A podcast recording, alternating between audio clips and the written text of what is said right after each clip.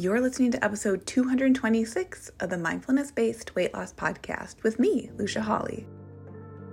Welcome to the Mindfulness Based Weight Loss Podcast, the show for women like you who have tried restrictive diet after diet and are ready for simple, thoughtful solutions to help you sustainably lose weight for the last time from a place of abundance and peace. If you're looking to end the yo yo of comfort eating and rigid weight loss protocols and instead step into living your life mindfully on your terms while losing weight in the process, you're in the right place. Hey, party people, welcome to the show.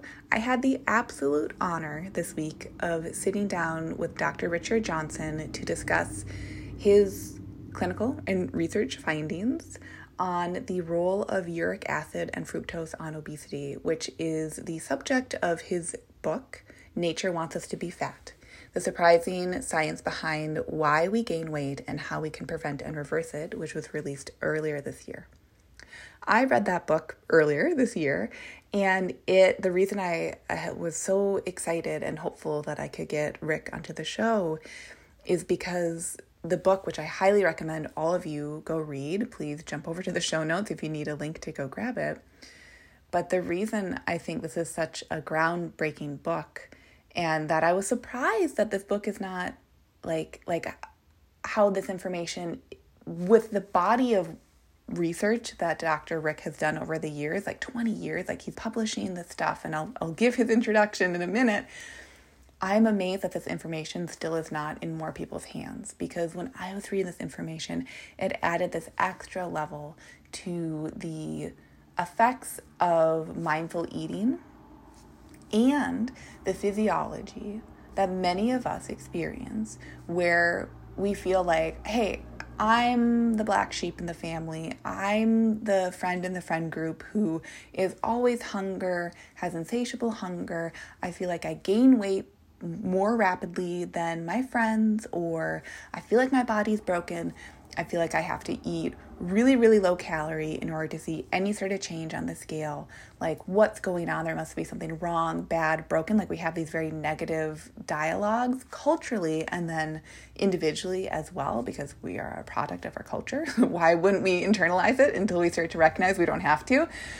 Anyway, if you're someone who has felt that way, and that's how I felt for the longest time, it's why that 80 pound weight loss when I was 14 was so revolutionary that I was like, wow, the weight was one thing, but what really was so amazing to me was that by losing weight, which was on a type of diet that actually is aligned with uh, Dr. Rick's recommendations, so I'll, I'll leave the specifics out for now because I want to keep this introduction fairly short so we can get into the interview.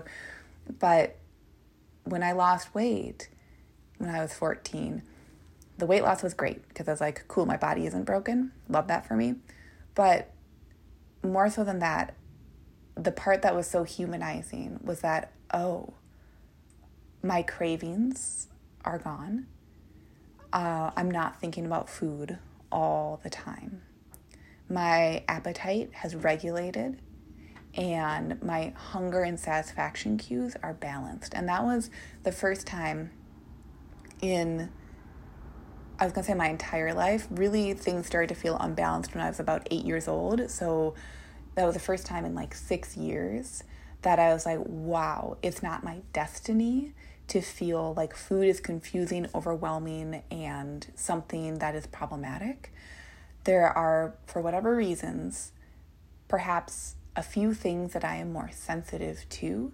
And now that I have that information, I can take that and roll with it. It was a it was just a and I've shared my story before. It's like episode 100 and I think 105 on the podcast. So if you want more information on that, you could go listen to those.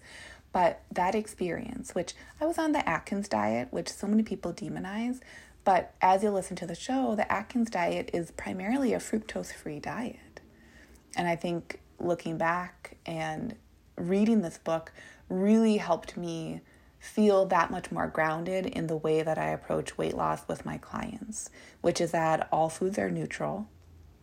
And if you would like, if you feel like your cravings are really increased, if you feel like you can't stop thinking about food and you feel like you're just like, there's like this really intense connection, yes, we're going to work on the emotions of food. But first, let's have you take a two week break from flour, sugar.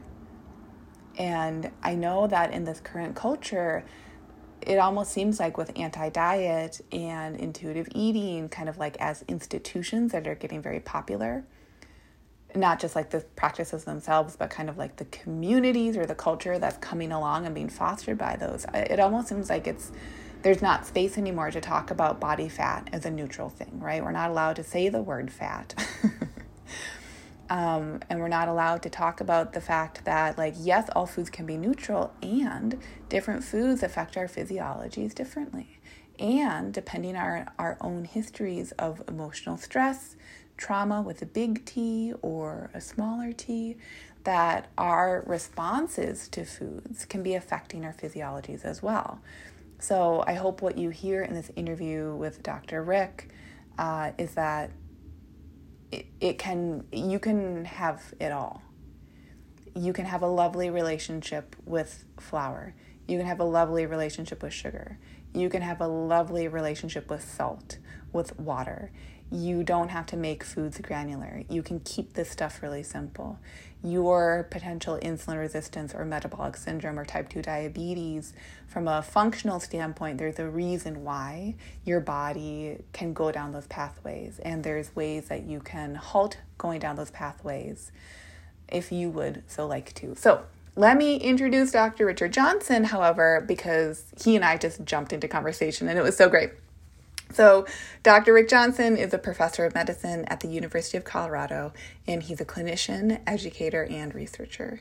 He's a board certified in internal medicine, infectious disease, and kidney disease, and he's a founding editor of Comprehensive Clinical Nephrology, one of the main textbooks on kidney disease.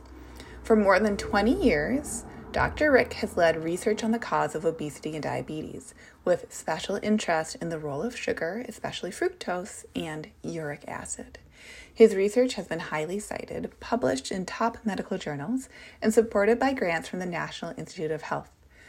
He is the author of The Sugar Fix and The Fat Switch, in addition to this year's book, Nature Wants Us to Be Fat.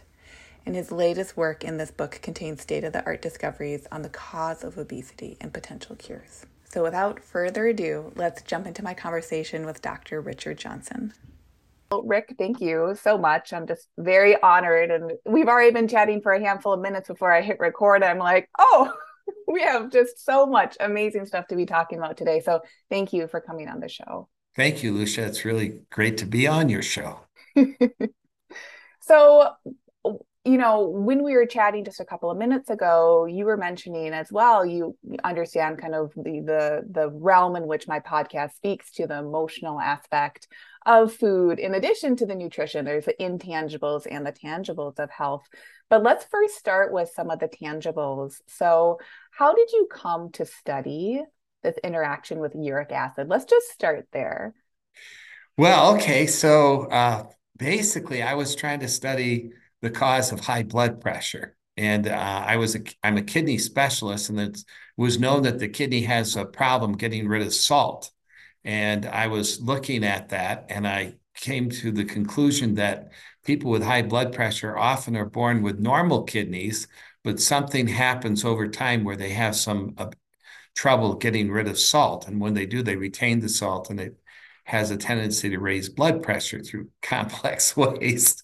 And uh, so I was, uh, we came to the conclusion from our work that there must be some subtle damage to the kidney that had to occur to create this, uh, the, the kidney to hold on to salt. And um, we, we actually were able to create high blood pressure by just inducing the mildest damage to the kidney.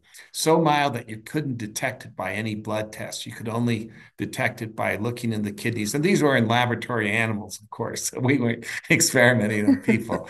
uh, so, anyway, so, uh, you know, pretty soon we had a very good story that subtle kidney damage was the cause of high blood pressure. And, and in fact, that currently is the main theory. And uh, we published it in the New England Journal back in the late 90s. But the question was, what is the cause of the subtle damage? What's causing it?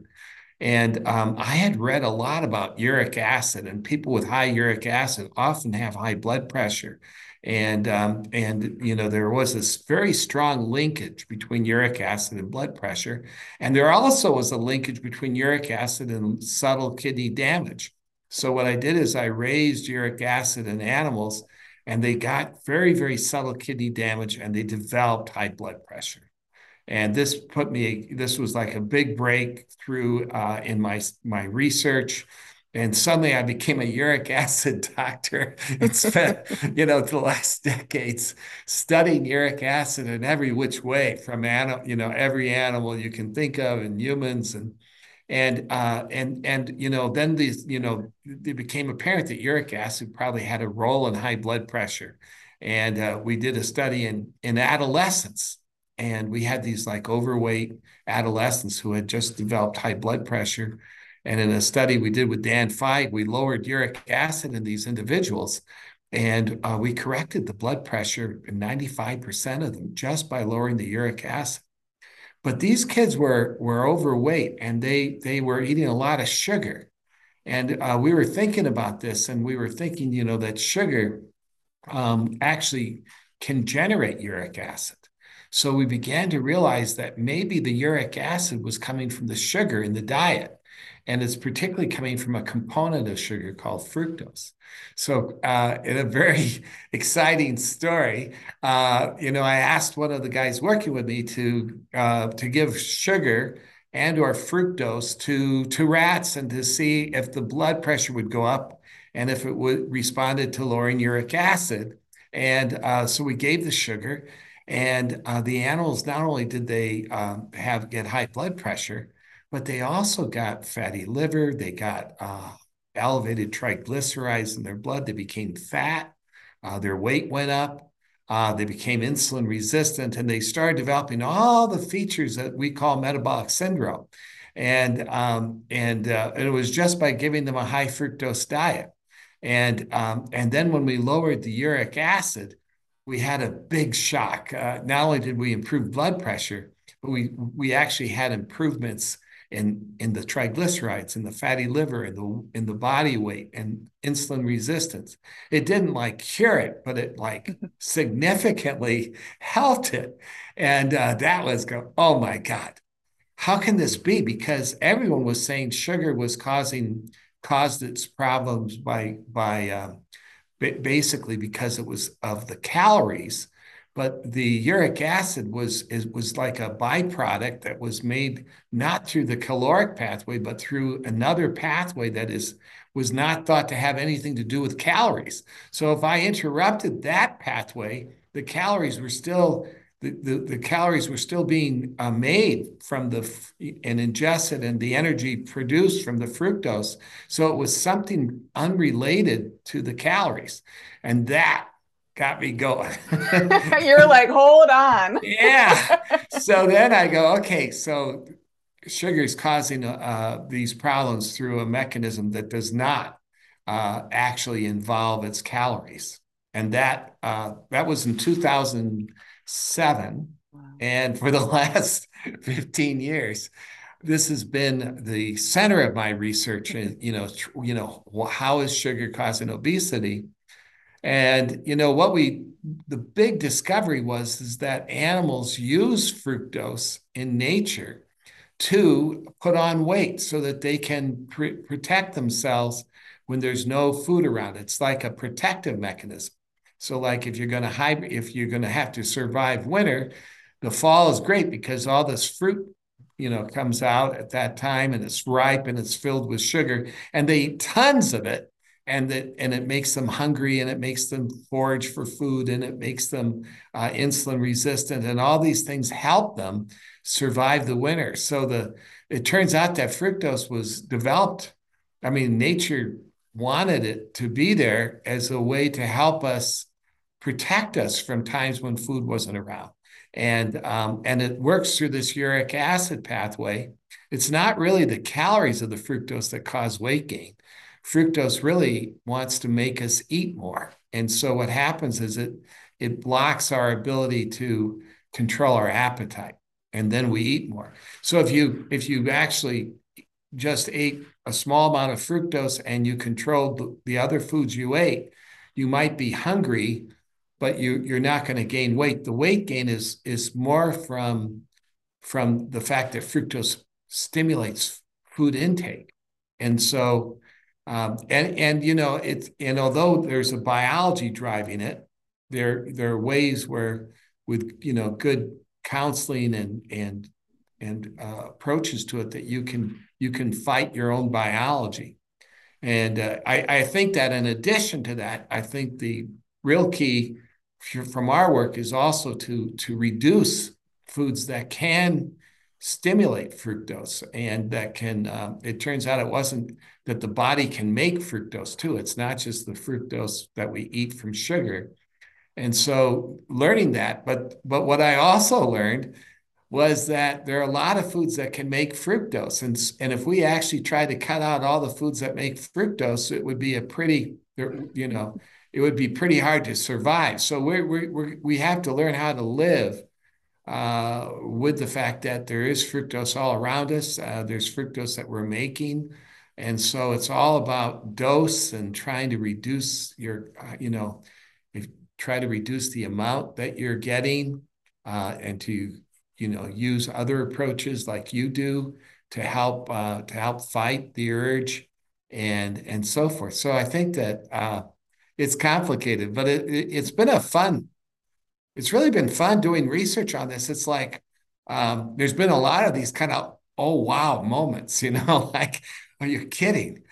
The body can make fructose and it can make you fat from that. I mean, w- w- you know, that was that was really uh, that was a bad surprise, but it was really. Uh, You're like, now I got to look into this more. yeah, you know, um, yeah, yeah, exactly. So you know, originally, you know, so most fructose that we eat comes from sugar, and it comes from high fructose corn syrup, and and the grocery stores are filled with this stuff. You know, the, they add high fructose corn syrup to all kinds of foods, and processed foods are very high in fructose corn syrup and sugars is you know it's just one of these things that we love and and it's you know they they have it at, on every aisle and they have it right by the cash register so that you keep looking at it and it's like an urge to to get it.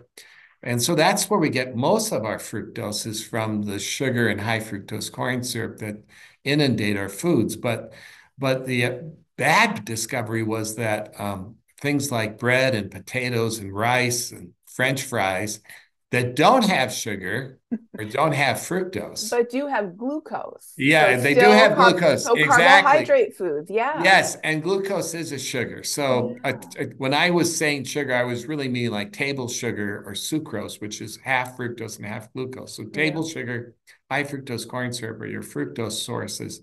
Glucose, uh, you know, multiple molecules of glucose make up starch, and starch is in rice and potatoes and bread. And I, I don't know about you, Lucia, but you know, I, I really do like bread. I mean, it's very hard for me. You know, a, a, fresh loaf of bread is just, you know, with a little toast, toasted and little butter. It's very, very, um, uh, you know, delicious, attractive, and yet I know that uh, from our work that it's not so good for us because the uh, bread raises uh, it's high glycemic, so it raises the glucose in our body, and that stimulates insulin. That you know, some people really argue that that may be driving obesity, but also it's converted. Some of the glucose is actually converted to fructose, and um, it can be a fair amount actually that gets converted. So um, and then so you can make fructose from bread and rice and potatoes and and it's uh, particularly stimulated by salt. So if you've got like salty carbs, like French fries, you can really make a lot of fructose in your body and you don't have to eat fructose. So this was like a bad, bad discovery because I originally I was thinking that, you know, that all we had to do was cut out high fructose corn syrup and sugar, which isn't so easy. Yeah but at least it, you know, it, it seemed like something that, you know, I we could really promote and just say read the labels and uh, and try not to eat processed food and eat healthy foods.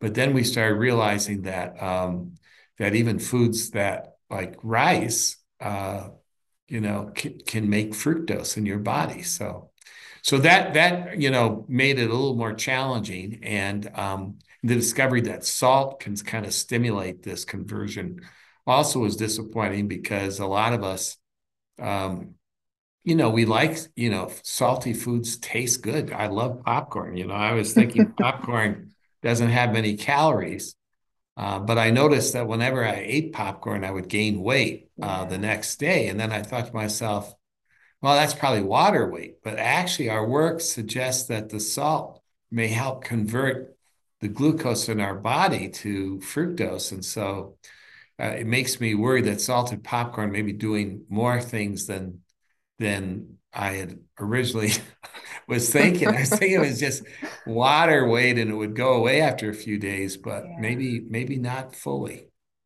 And so anyway, so yeah, that's the long and short. You've offered so many mic drops already in like the 15 minutes we've been chatting.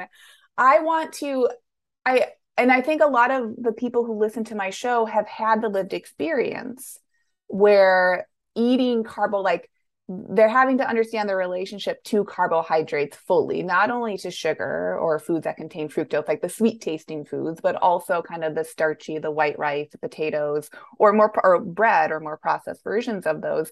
But let's backtrack for a minute because I think part of what's so powerful with your message and your your research, your literal research that is showing this, part of what I found just beautiful in your work is that we could let me phrase it this way by reading your book, I feel like it offers this very beautiful level of awareness that insulin resistance, in and of itself, metabolic syndrome, type 2 diabetes, these kind of chronic health concerns that many people experience, that they have a functional reason for occurring in our body. Can you speak to that a little bit more? Because I just found that very humanizing that it's not our bad body's doing something bad or wrong it's adaptive in the short term. In the long term, it causes all these other issues. But I think that right there, yeah, no, I, huge. yeah, you know, the people who are more, more prone to gaining weight probably have some genes associated with this survival pathway, and the survival pathway was was all about success in life. You know, if you could activate you know, that this survival pathway that fructose activates was all to help us survive. And there's evidence that those who could who could become more insulin resistant and, and gain more fat uh, had a better chance to survive longer. It was all to help us. And uh, it all comes out of nature. It's an instinct. It's almost like an instinct, this, this biologic response. And what the response is, and let me go through it. So when you eat sugar, you activate an incredible survival response. The first thing that happens is it stimulates hunger and thirst and this foraging for food. It actually inhibits areas of the brain that uh, are involved in self-control and and uh, de- deliberation, and it, it allows us to to look around rapidly, to make quick changes. It increases locomotor activity. So we can go out and forage for food and we can go into dangerous areas and we can be heroes and look for, for food for, uh, you know, to, to survive and, and take chances.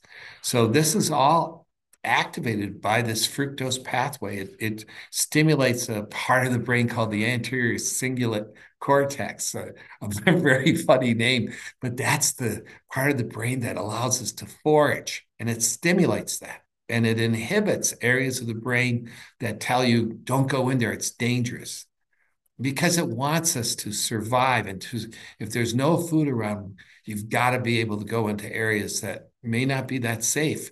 But if you don't have any food, you got to find it.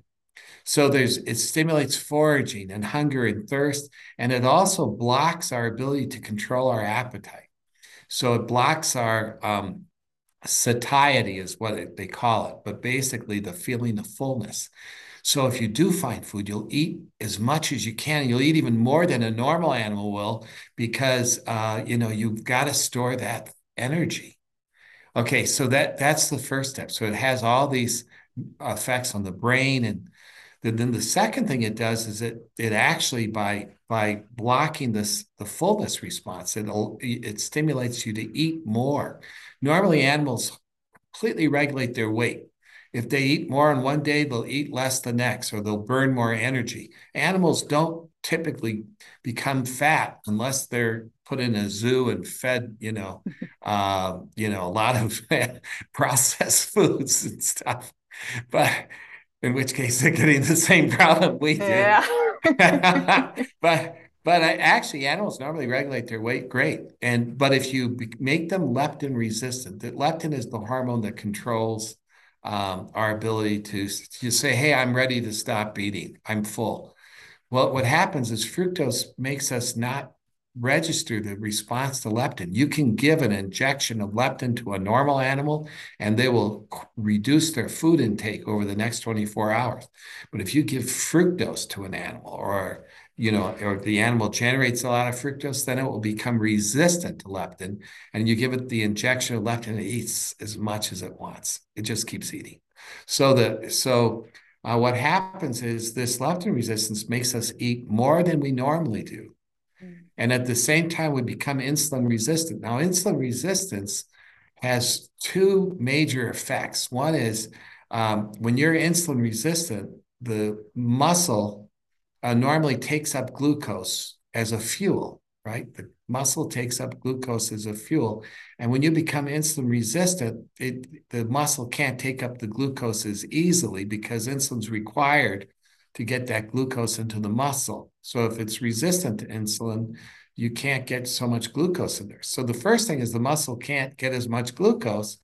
So it's going to reduce the amount of, of um, metabolism, which reduces how much energy you you need because the muscles are living on they're gone into a low power mode. Mm. And uh, so so it's actually like reducing our what we call energy expenditure. So it reduces how much energy we're spending. So this allows us to conserve energy, and this is really important if you're trying to survive. What's more is when the when the glucose doesn't go in the muscle, it, it goes up in the blood, and when it goes up mildly in the blood, it's it's not at a level that causes diabetes. It's at a level where your glucose levels are a little high. Um, it's sort of like what happens when you eat bread or rice. Your glucose levels go up in your blood just a little bit. But with insulin resistance, they're up all 24 hours. They're, mm. you know, the glucose levels are a little high. And what happens is that allows part of the brain actually lives off glucose uh, and does not need insulin. So, and part of the brain does use insulin. So the parts of the brain that don't need ins- insulin still get a lot of glucose. And those are the parts of the brain that like foraging. and the parts of the brain that where insulin is used is more for the areas where it's doing self-control and willpower and all that. So by creating a little bit of insulin resistance there, it makes our willpower a little bit weak. And uh, our willpower is weak, our craving is stimulated, and our ability to regulate our weight is screwed up. So, so, but it's like perfect if you're if you are worried about survival you know this is an incredible system because it'll help you start gaining weight and then it stimulates then in the it, it, this is the most clever thing of all. So energy you know when we eat food we use it to make energy. That's what we use for and then we use the energy to do everything we want to do. So but energy can exist in two situ two conditions it can it can be active energy what we call atp or it can be stored energy, which is fat, because fat can be broken down to generate energy. Fat can be converted to energy. So when we're storing fat, we're actually storing energy, which is uh, saving the energy for the rainy day when there's no food. Actually, probably for the dry day, for the drought when there's no food yep. or water. Okay. So anyway, but so yeah. But anyway, we store the fat uh, to help protect us for when there's no food around. But here's what's clever. So let's say you eat 100 calories, and uh, normally 80 of it or 90 of it goes into ATP or immediate energy, and 10 of it is stored for fat for you when you're not eating and stuff. You know, so so it adds up. There's yeah. 100 calories go in, 90 goes to active energy, 10 goes to fat. But now when you do this switch when you, you stimulate, when you eat fructose, instead of the ATP being uh, 90 being produced from that 100 calories. Now you're producing 40. And so the calories from ATP are low. So ATP levels are low in the cell. So the body thinks it's still hungry. But in the meantime, the other 60's gone to fat. So the energy balance is correct. It's not like the calories disappear. The calories are just being stored as fat rather than as energy. But then when the energy is low in the cell, like the ATP energy, because the stored energy is not seen. It's sort of like the clothes in the closet. You don't mm. know where they are. Um, well, maybe you do know where they are, but, but, but you know what I mean. They're yeah. they're not they're, they're not on you. You know, so yeah. so basically, it's the energy. They, the body acts based on the amount of ATP in the cell. And so if the ATP levels are low, it's it's like wanting more energy. It's saying, "Hey, I want to keep eating."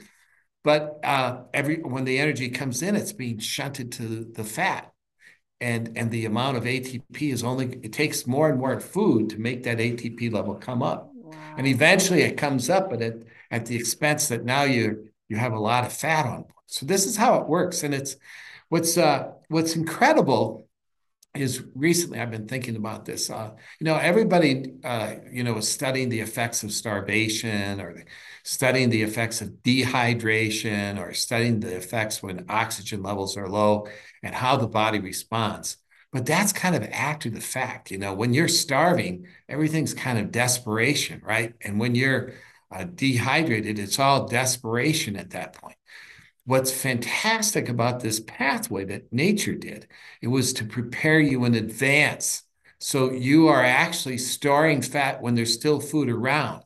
You're storing um, uh, you know your energy is it, you know the fat also can be broken down to water. So it, it's sort of like storing water and energy by putting on fat. You're, you're doing insulin resistance to kind of protect you before you get into trouble yeah. And and the trouble is is that nature meant this to be specific for, you know, preparing for hibernation or preparing for nesting or pre- preparing for long distance migration. It really wasn't meant to be to be done year round.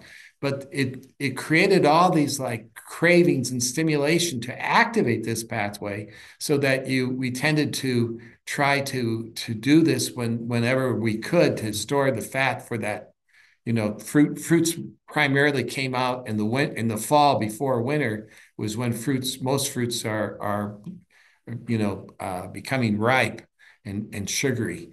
Uh, and so, the, you know, there was a timing with nature and, and everything was kind of synchronized with nature. But now, uh, you know, we're eating sugar all year round. we, we, we become, it's a tragedy of our own success, sort of. So what's happened is we've, and and we have these uh, instinctual mechanisms there to try to help us store fat so um, and so we're activating this process a lot and so this is what's the challenges yeah and as well i love that you you know bring up kind of the, the tragic uh, amazingness of in some ways of just having access to foods that are so processed ultra processed that have oh, such yeah. high levels of fructose right we've never oh. been in oh. such a caloric surplus for those of us in places of privilege and you know that could be a whole other conversation but in our households in the grocery store all that stuff. But what also i think is so useful to understand is also that you know again in with this podcast with my community we talk about the the mental side the mindfulness around food that relationship with food the social pressure, pressures of our culture especially for women to look a certain way or to have a certain level of thinness oh, or leanness so so, so you know it always makes so much sense and i just i love when i'm working with clients we of course we're mainly prioritizing that relationship with food but we have to bring in the truths of food right. which is what your book so eloquently and your entire body of work goes over and expresses is that like yes there are these truths. They're not necessarily bad but because of the culture we live in emotionally as well as our access to food it can feel like it's on the individual oh there's something wrong with my body it's broken it shouldn't be storing fat because somehow i should be looking this way or that way. And then you know it, it just yeah. it's so fascinating it's the different levels to the conversation. Yeah it's definitely not our fault no. no one should ever feel that this is their fault. We're not gaining weight because it's our fault. It's not um, you know, an issue of of you know that of choice. Uh, you know, where I mean, we we there are there are ways we can battle it as you've done with the mindfulness and all this, but this is um, you know, we're we're fighting a biology, so it's it's uh, no one's to blame. In fact, the people who may gain weight may be actually the, the people who are the most successful in our evolutionary pathway. Yeah. The uh, you know there's there's evidence that the um, Samoans who uh, you know they have a lot of problems with Western diet and uh, Filipino, but but especially the Samoan and Polynesian population. And there's some evidence that they picked up extra survival uh, mutations in their during their course of of of history that make them uh, made them allow them to to store fat a little bit better. And you know they had to because they were they traveled some of the farthest distance of all humans at times in our past when it wasn't so easy. And you know so uh, there are a lot of people. I mean. Um, who who are you know are example it's sort of like an example of evolutionary success but yeah. it's a it's a it's a challenge for us today because obviously no one wants to the problem today is that as we get really overweight what was meant to be uh, to help us survive it, you know is, is, if this thing ex- expands leads to diabetes and heart disease and all these things so there's it, there's a real necessary, uh, you know, we need to figure out how to reverse this, how to block it, and and understanding the biology really helps uh, for for that process. And you know, they're, they're, one of the things that I learned, Lucia, that is so easy for people to do is just to increase your water intake. Mm. One of the one of the big discoveries, actually, it's probably the biggest discovery of our group uh, was that uh, you know we we were focused on sugar, we are focused on uric acid, and these things are really important for sure.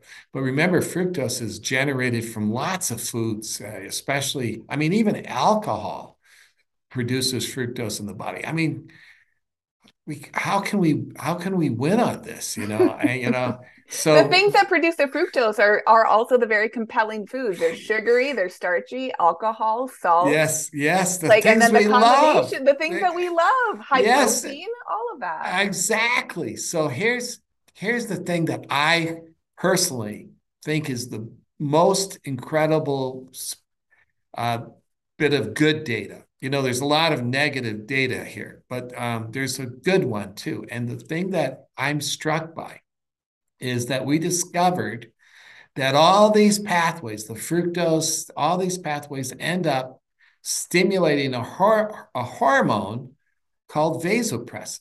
And, you know, vasopressin is a hormone that I, as a kidney specialist, I know a lot about because it's the hormone that concentrates our urine um, and like when it's hot outside and my urine volume goes down, uh, and that's because my body's trying to conserve water. And so it redu- it it holds on to the water and concentrates the urine, and then the urine becomes dark yellow and not so good smelling and all that kind of stuff. And that and that's from this hormone vasopressin. And so the world learned, the medical field learned about vasopressin because it's like critical for to help animals that are dehydrated. But um, no one thought that it did much else, except if you give large doses of it, it can raise blood pressure acutely.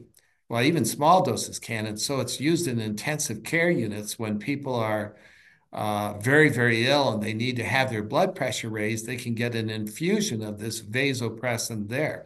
So this is sort of what, what we knew about vasopressin. No one else thought of anything else about vasopressin.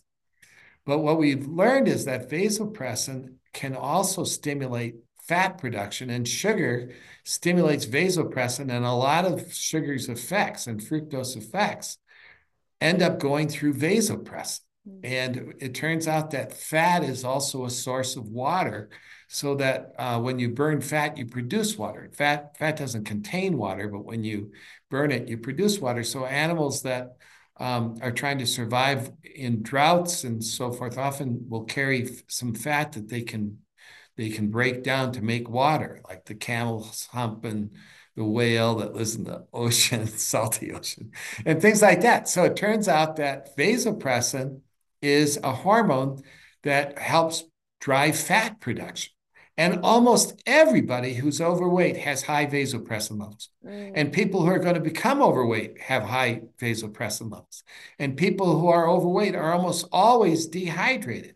And, and we found that if we gave water to animals, if we just had them drink, uh, you know, ex, extra water, that they, we could block obesity uh, from developing. We could even block diabetes from developing in these animals, even when they were being given sugar. So um, I think that water intake is real. That the that it, that its benefits are real. They're all you know. I was told as as a doctor that you know you don't need to be super hydrated because uh, the kidneys will do the work for you. And uh, this idea that you know you should drink eight glasses of water a day has no scientific basis. And there was even a New York Times editorial on this last fall. But our work shows it's not true. If you give if you uh, give animals extra water, you can block the vasopressin, and that can uh, really really help weight. Uh, it can help insulin resistance. It helps all these things. Wow. And there there's actually data coming out in people showing this. And so, I mean, the simplest message I can give to your audience is just say, hey, look, you know, you know, if you see all these people running around with their bottles of water and they're and they're running and exercising, and you say, hey, uh, this is like a, a group of people that represent like a certain part of our society try to become one of them. Because if you can if you can increase your water intake you're going to lose weight. I i've had just since this book's come out i've had uh, quite a few people reach out to me and just tell me that just by increasing their water intake they got uh, rid of that those extra pounds that they couldn't get rid of. And it's uh it's very inexpensive you know you don't have to do anything except drink a little more water. and uh, and most of us do tend to drink some amount of water. So it's not even starting a new behavior. And I'm saying yeah. that jokingly, like we all drink water, but it right. can even just be looking at, okay, I have a habit of maybe drinking yeah. half a glass. Can I go to three quarters of a glass or a yeah. full glass or add a glass on with a meal? And it, it can be hard to remember. Like my my wife, um, it, thank God, you know, because she she's always thinking about the water, and and I'm always thinking about research, and and she'll when I'll sit down, she'll say, "Hey, you should drink a glass of water before each meal," and I I wrote that because it's such a simple move. Uh, you know, just you know, people serve. If you go to a restaurant, they serve water usually, and a lot of people never pick that glass up. And and if you just make sure that you drink that now. Uh, I always say this because it's really important. Um, it is possible to drink too much water. And if you take my message to meaning that you should be drinking 20 gallons of water, you're gonna you're gonna get water intoxicated and end up in an emergency room.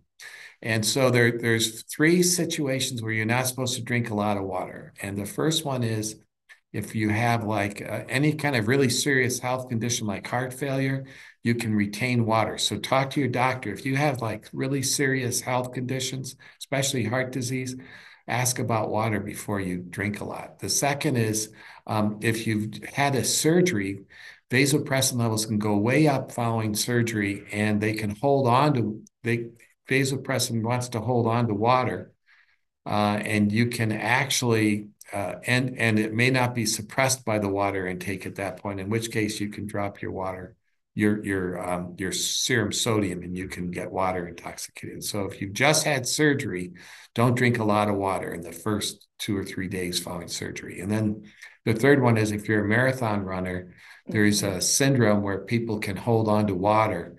Um, I actually think we we may understand how that works. I've submitted a paper on it, yeah. um, but I do think that uh, if you are a marathon runner, drink to thirst. Don't overdrink. And but for most of us, uh, you know, drink eight glasses of water a day. I mean, Uh, probably 10 glasses of water a day is fine, but um, six to 10 glasses would be like great. And if you're working outside, you you know, you may in the hot climate, you may have to drink more.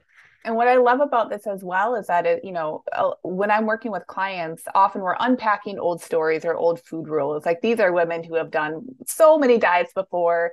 They enjoy natural foods. Like they they have a lot of food awareness. Maybe some are even coming back from orthorexia or a lot of fear of food, or they've taken out sugar fully. They've taken starches out. They've done carnivore or keto or just all sorts of very restrictive diets.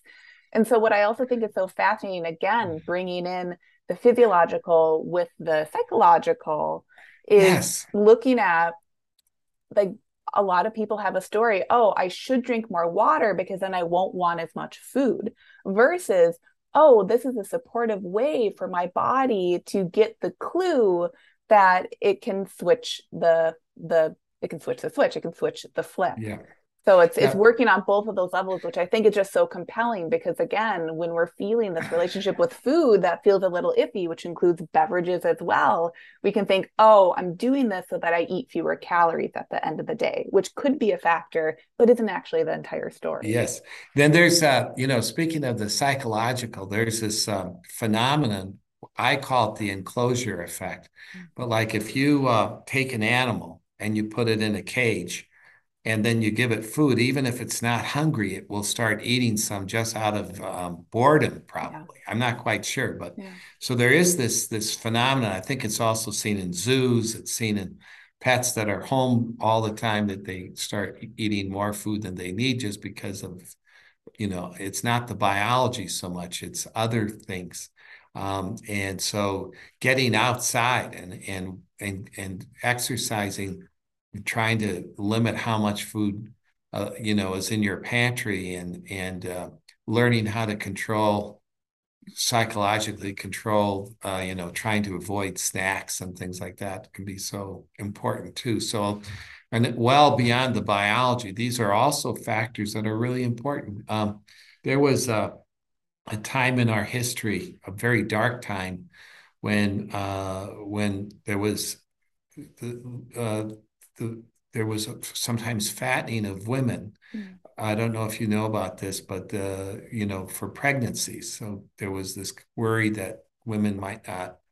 Uh, you have to carry a certain amount of fat in pregnancy, mm-hmm. um, and if there's not enough food around, there was some concern that there that pregnant women might not be able to carry their their baby, and so uh, women who were going to become pregnant uh, were often given extra food to try to make sure that they had increased fat stores. And the classic was to feed, you know, um, like plantains and, you know, uh, very sweet bananas. But the other thing they did was that they would keep them in a, in a, in, they weren't allowed to get out of a room, for example. They were enclosed in rooms for a while. And like, uh, I mean, there's these reports. It is bad.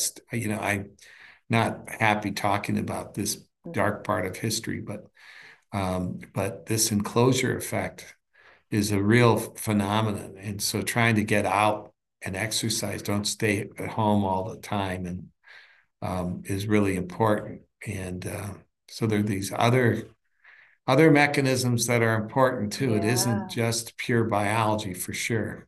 Well, I think that really that you know leads beautifully into a question that I had written down for you, which is how does emotional stress affect the fat switch? Excellent question. So stress will uh, activate this uh, pathway to generate fructose, and stress will do it. Like, um, uh, for example, like sympathetic nervous systems activation. Um, uh, so I suspect emotional stress will activate this pathway. I bet you it does. Have we studied it? No, we haven't. But we know that this the, the, the mechanisms that drives this um, conversion of glucose to fructose. So there's two major parts to it. One is in order to make fructose, you have to have glucose in your body. So fructose is made from glucose. So uh, if you're on a very low carb diet or keto diet, you don't have a lot of glucose around. So you're not, it, it actually blocks not only the fructose you eat, but the fructose you make. So the the beauty of a low carb diet is just that it's reducing the amount of glucose available to convert to fructose. So that's uh, one of the strengths of that diet, although, it, as you say, it's a very restricted diet.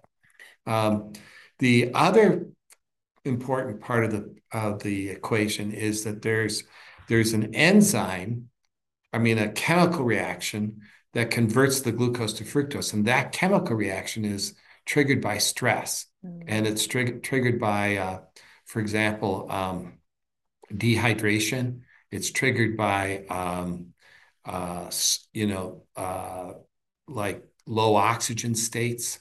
So uh, it's triggered by anything that can stress the organism. Like, for example, if you have a, if you're unlucky and you have a heart attack, and there's not enough blood going to that part of your heart, and you, you know, you ended up in the hospital.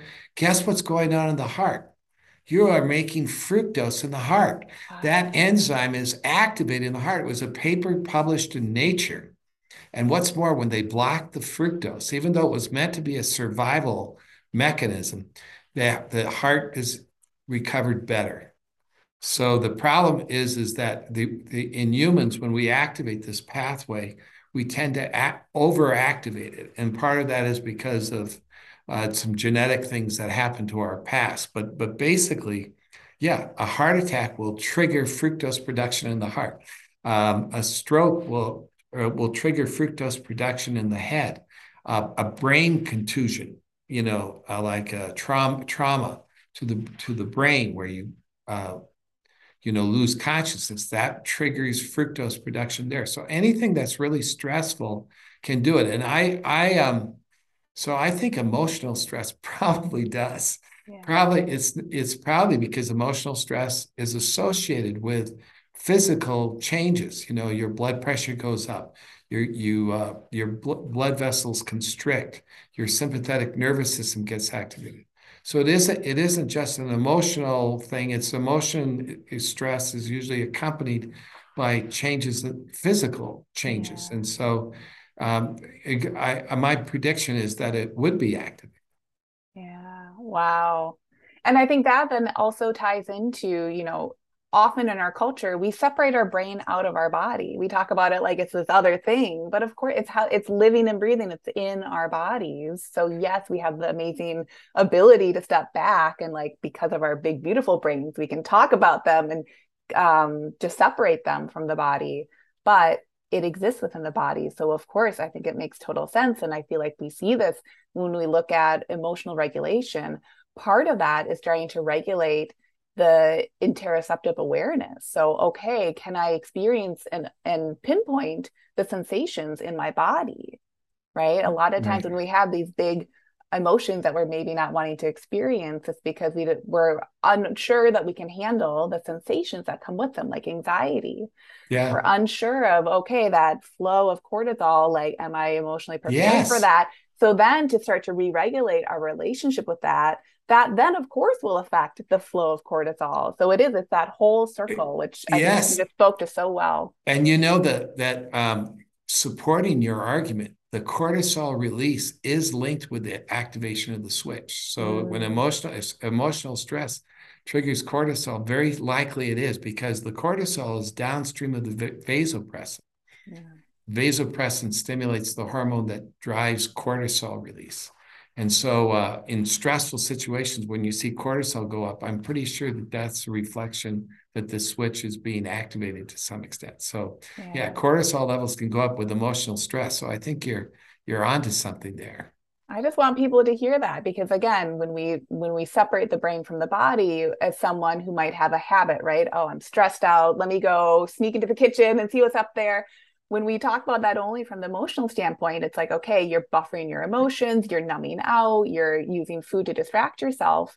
But is there actually, as we've been talking about for this hour now, a functional reason for that? Or that can help support where it's not only, oh, I got to fix how I think or I got to think better thoughts about myself, It's now it's oh, it's two ways. it's It's two a two way. ways. It's a two way. Yeah, you know. So there, It's a two way. ways. It's a two way. Yeah, you know. So there, um, I've been connected with groups that have like done studies for med where meditation can actually reduce blood pressure, and you can increase what we call the cholinergic pathways, which actually kind of quiet these stressful uh, pathways, and you can do it. Um, you know, even things like acupuncture and stuff like that can have these effects. And so they're really um, a healthy mind can can help create a healthy body. And we've always known this, but there, there is a biologic pathways that that go both ways. Uh, a sick body can make it can can you know have stress cause great stress to the mind, and a healthy mind can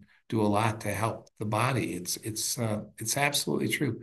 Um, yeah, there's this specific um, cholinergic pathway that that people are studying, um, and even things like ultrasound and things like that can activate these cholinergic pathways that can have significant effects on decreasing stress in animals and improving insulin resistance and um, affecting uh, even kidney disease and blood pressure. And so there's so much we we still need to learn and as physicians, as a physician, I, you know, we're always taught about diseases and medications to treat diseases, but um, working on the mind and the mind body interaction is extraordinarily powerful way that's often not embraced to the level it should be by uh, the the you know the health you know services. Yeah. Yeah, you're right. and again, if we come back, you know, the point of I, for my community or for a lot of the women I work with, the point of all this, it's so easy to say, well, the point is to lose weight, so then I'm healthy, so then this and that. But what's the point of all of that? Is to be happy, right? Right. so of course, I think we do have to address stress, both the physiological and the emotional, because they do go hand in hand. Well, it, it's a complicated subject and it's going to keep us all busy for years to come. And uh, but it's it's great that you're doing what you're doing, which is really to to really help people cope with stress and to figure out ways to to uh, to become healthier uh, through the mindfulness. Uh, and and it's the same time uh, what I'm trying to do is to try to figure out the biology of what's driving a lot of this, and a lot of it is linked with stress and figuring out how to to reverse it, uh, you know, through other means like diet and exercise and hydration. So we're all working for the same, you know, we have the same goal. So it's it's fantastic to talk to you, Lucia, and to hear what you're doing. I appreciate it greatly. Well, thank you. And thank you for not only publishing this book, but your other two books as well. I will link all of them into the show notes so people can easily find them. If there were to be any takeaway that you would want someone to know from your body of research, what what would that be? Well, um, I you know I think that um, the, probably the main takeaway is that uh, sugar and its component fructose probably has a very, very important role in obesity and diabetes. And uh, it's not just the fructose that we get from sugar, it's also the fructose that we make. Interesting, natural fruits tend to be healthy because you don't get a lot of fructose in those fruits compared to like sugar, like a soft drink. You, you can get 20 grams of fructose, but a you know, a, a, fruit typically is like three to six grams of fructose. But the fruits have fiber and potassium and flavonols and all these other things that counter the effects of the fructose. So the fructose in a fruit is really there to make the fruit sweet so you eat it. But an individual fruit actually is very healthy. But if you drink a lot of fruit juice, you know, that has, you know, six fruits you know, that have been blended and the fiber has been removed and the pulp's out, and now you just got the juice. Now you get, now you're getting a lot of sugar. So my my big thing message is, you know, fructose is very important, especially from sugars and high fructose corn syrup, and we should be looking at packages and trying to avoid really sugary foods. And we probably need to kind of watch how much high glycemic foods we're eating, like bread, rice, and potatoes. We want to cut that back and we want to reduce our salt and we want to drink more water. And I think all these are, um, you know, important to staying healthy and, and to becoming more healthy, which is always the goal, isn't it? Yeah. And that those are all accessible, aren't they? Yes, For so all, many of us who feel that this stuff gets really complex, really overwhelming, maybe love nutrition research and want to do the next thing or biohack. If we come, you know, at the end of the day, what are the big pillars that can really support a healthful life? Everything that you just shared is very approachable and very straightforward. Thank you, Lucia. Hey, if you love today's show, I'd love for you to take a minute and give a rating with a review. If you too are ready for more women to make life choices from loving mindfulness, that means we need more women listening to this message so they know it's available to them and they can do it too. And if you're ready yourself, come join Lean and Liberated, where we'll work together and you'll learn how to take this process to the next level in your weight loss goals, life desires, and beyond go to luciahawley.com. That's L U C I A H A W L E Y.com to connect.